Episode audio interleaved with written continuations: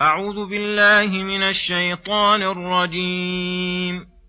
وإذا أذقنا الناس رحمة من بعد ضراء مستهم إذا لهم مكر في آياتنا. قل الله أسرع مكرًا.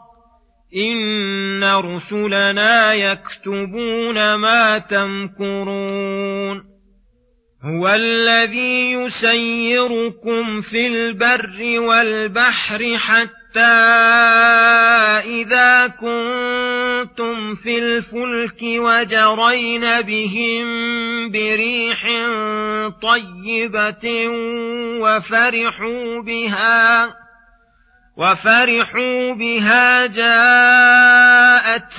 ريح عاصف وجاءهم الموج من كل مكان وجاءهم الموج من كل مكان وظنوا أنهم أحيط بهم دعوا الله مخلصين له الدين. دعوا الله مخلصين له الدين لئن أنجيتنا من هذه لنكونن من الشاكرين. فلما انجاهم اذا هم يبغون في الأرض بغير الحق يا ايها الناس انما بغيكم على انفسكم متاع الحياة الدنيا ثم الينا مرجعكم فننبئكم بما كنتم تعملون إنما مثل الحياة الدنيا كماء إن أنزلناه من السماء فاختلط به نبات الأرض مما يأكل الناس والأنعام مما يأكل الناس والأنعام حتى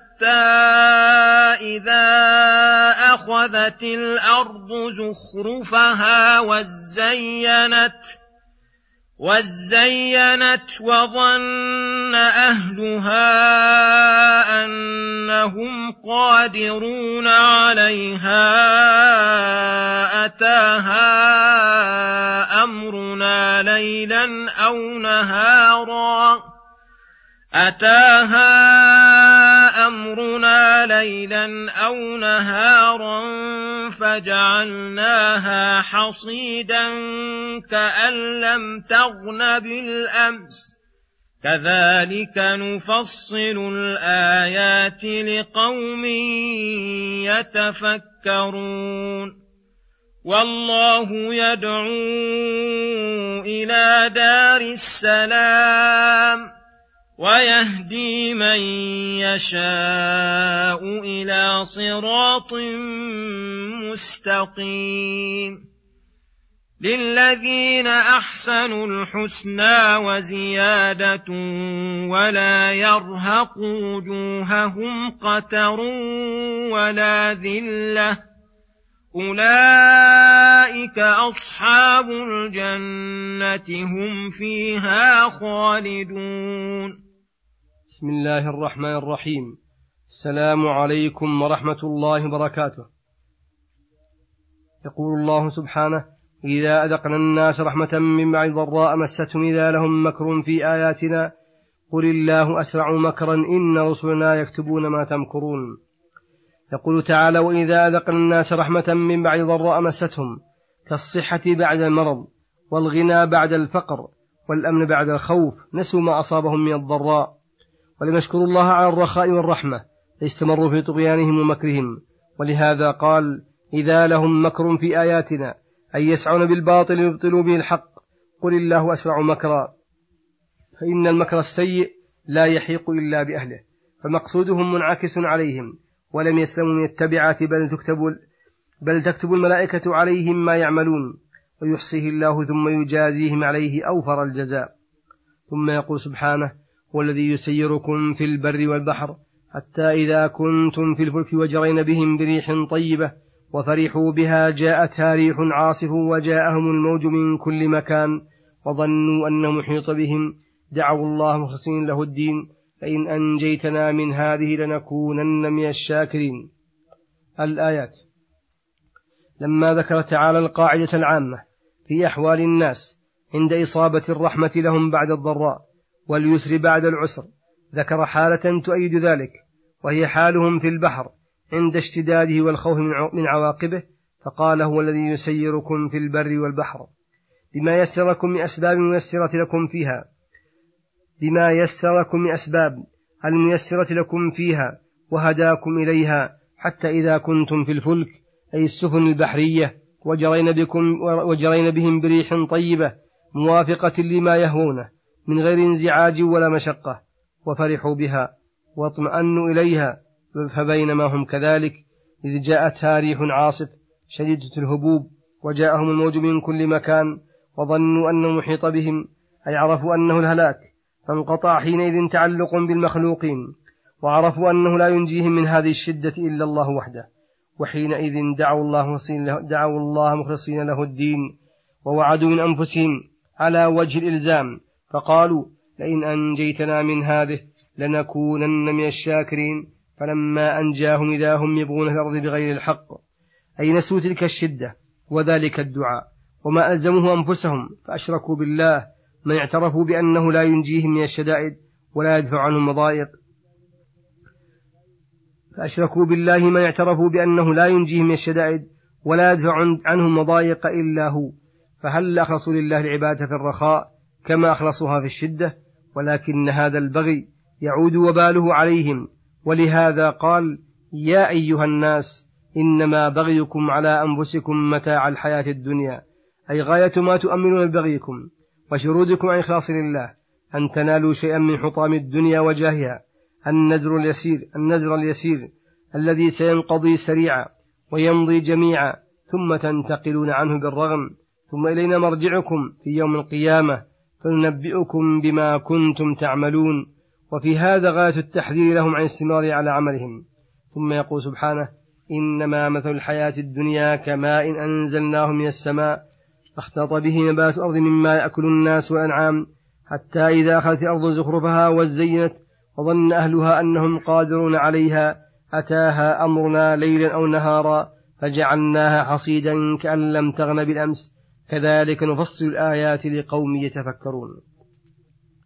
وهذا المثل من أحسن الأمثلة وهو مطابق لحالة الدنيا فإن لذاتها وشهواتها وجاهها ونحو ذلك يزهو لصاحبه إن زهى وقتا قصيرا إذا استكمل وتم اضمحل وزال عن صاحبه أو زال صاحبه عنه فأصبح صفر اليدين منها ممتلئ القلب من همها وحزنها وحسرتها فذلك كماء أنزلناه من السماء فاختلط به نبات أرض أي نبت فيها من كل صنف من كل صنف وزوج بهيج مما يأكل الناس كالحبوب والثمار ومما تأكل الأنعام كأنواع العشب والكلاء المختلف أصناف حتى إذا أخذت الأرض زخرفها وزينت أي تزخرفت في منظرها واكتست في زينتها فصارت بهجة للناظرين ونزهة للمتفرجين وآية للمتبصرين فصرت ترى لها منظرا عجيبا ما بين أخضر وأصفر وأبيض وغيره وظن أهلها أنهم قادرون عليها أي حصل معهم طمع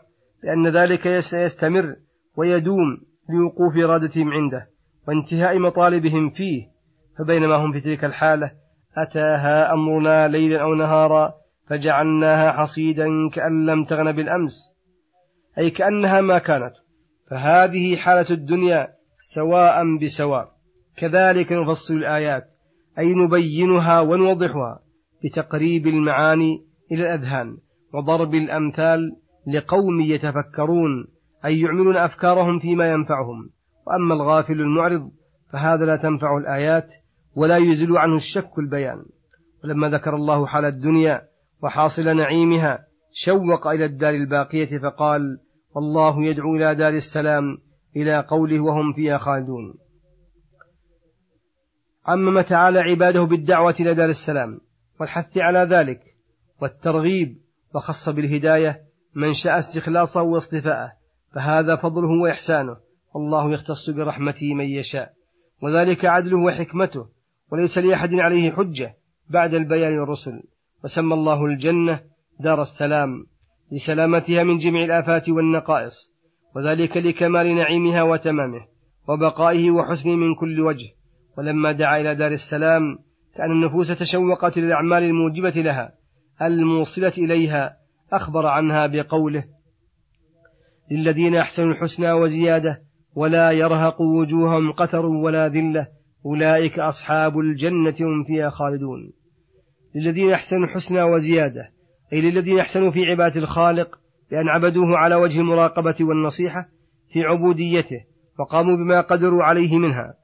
وأحسنوا إلى عباد الله بما يقدرون عليه من إحسان القولي والفعلي من بذل الإحسان المالي والإحسان البدني والأمر بالمعروف والنهي عن المنكر وتعليم الجاهلين ونصيحة المعرضين وغير ذلك من وجوه البر والإحسان. فهؤلاء الذين أحسنوا لهم الحسنى وهي الجنة الكاملة في حسنها وزيادة وهي النظر إلى وجه الله الكريم وسماع كلامه والفوز برضاه والجنة بقرب والبهجة بقربه. فبهذا حصلهم على ما يتمناه متمنون ويسأله السائلون. ثم ذكر اندفاع المحذور عنهم فقال ولا يرهق وجوههم قتر ولا ذلة. أي لا ينالهم مكروه بوجه من وجوه لأن المكروه إذا وقع بالإنسان تبين ذلك في وجهه وتغير وتكدر. وأما هؤلاء فكما قال الله عنهم تعرف في وجوههم نظرة النعيم أولئك أصحاب الجنة الملازمون لها هم فيها خالدون لا يحولون ولا يزولون ولا يتغيرون وصلى الله وسلم على نبينا محمد وعلى آله وصحبه أجمعين. إلى الحلقة القادمة غدا إن شاء الله. والسلام عليكم ورحمة الله وبركاته.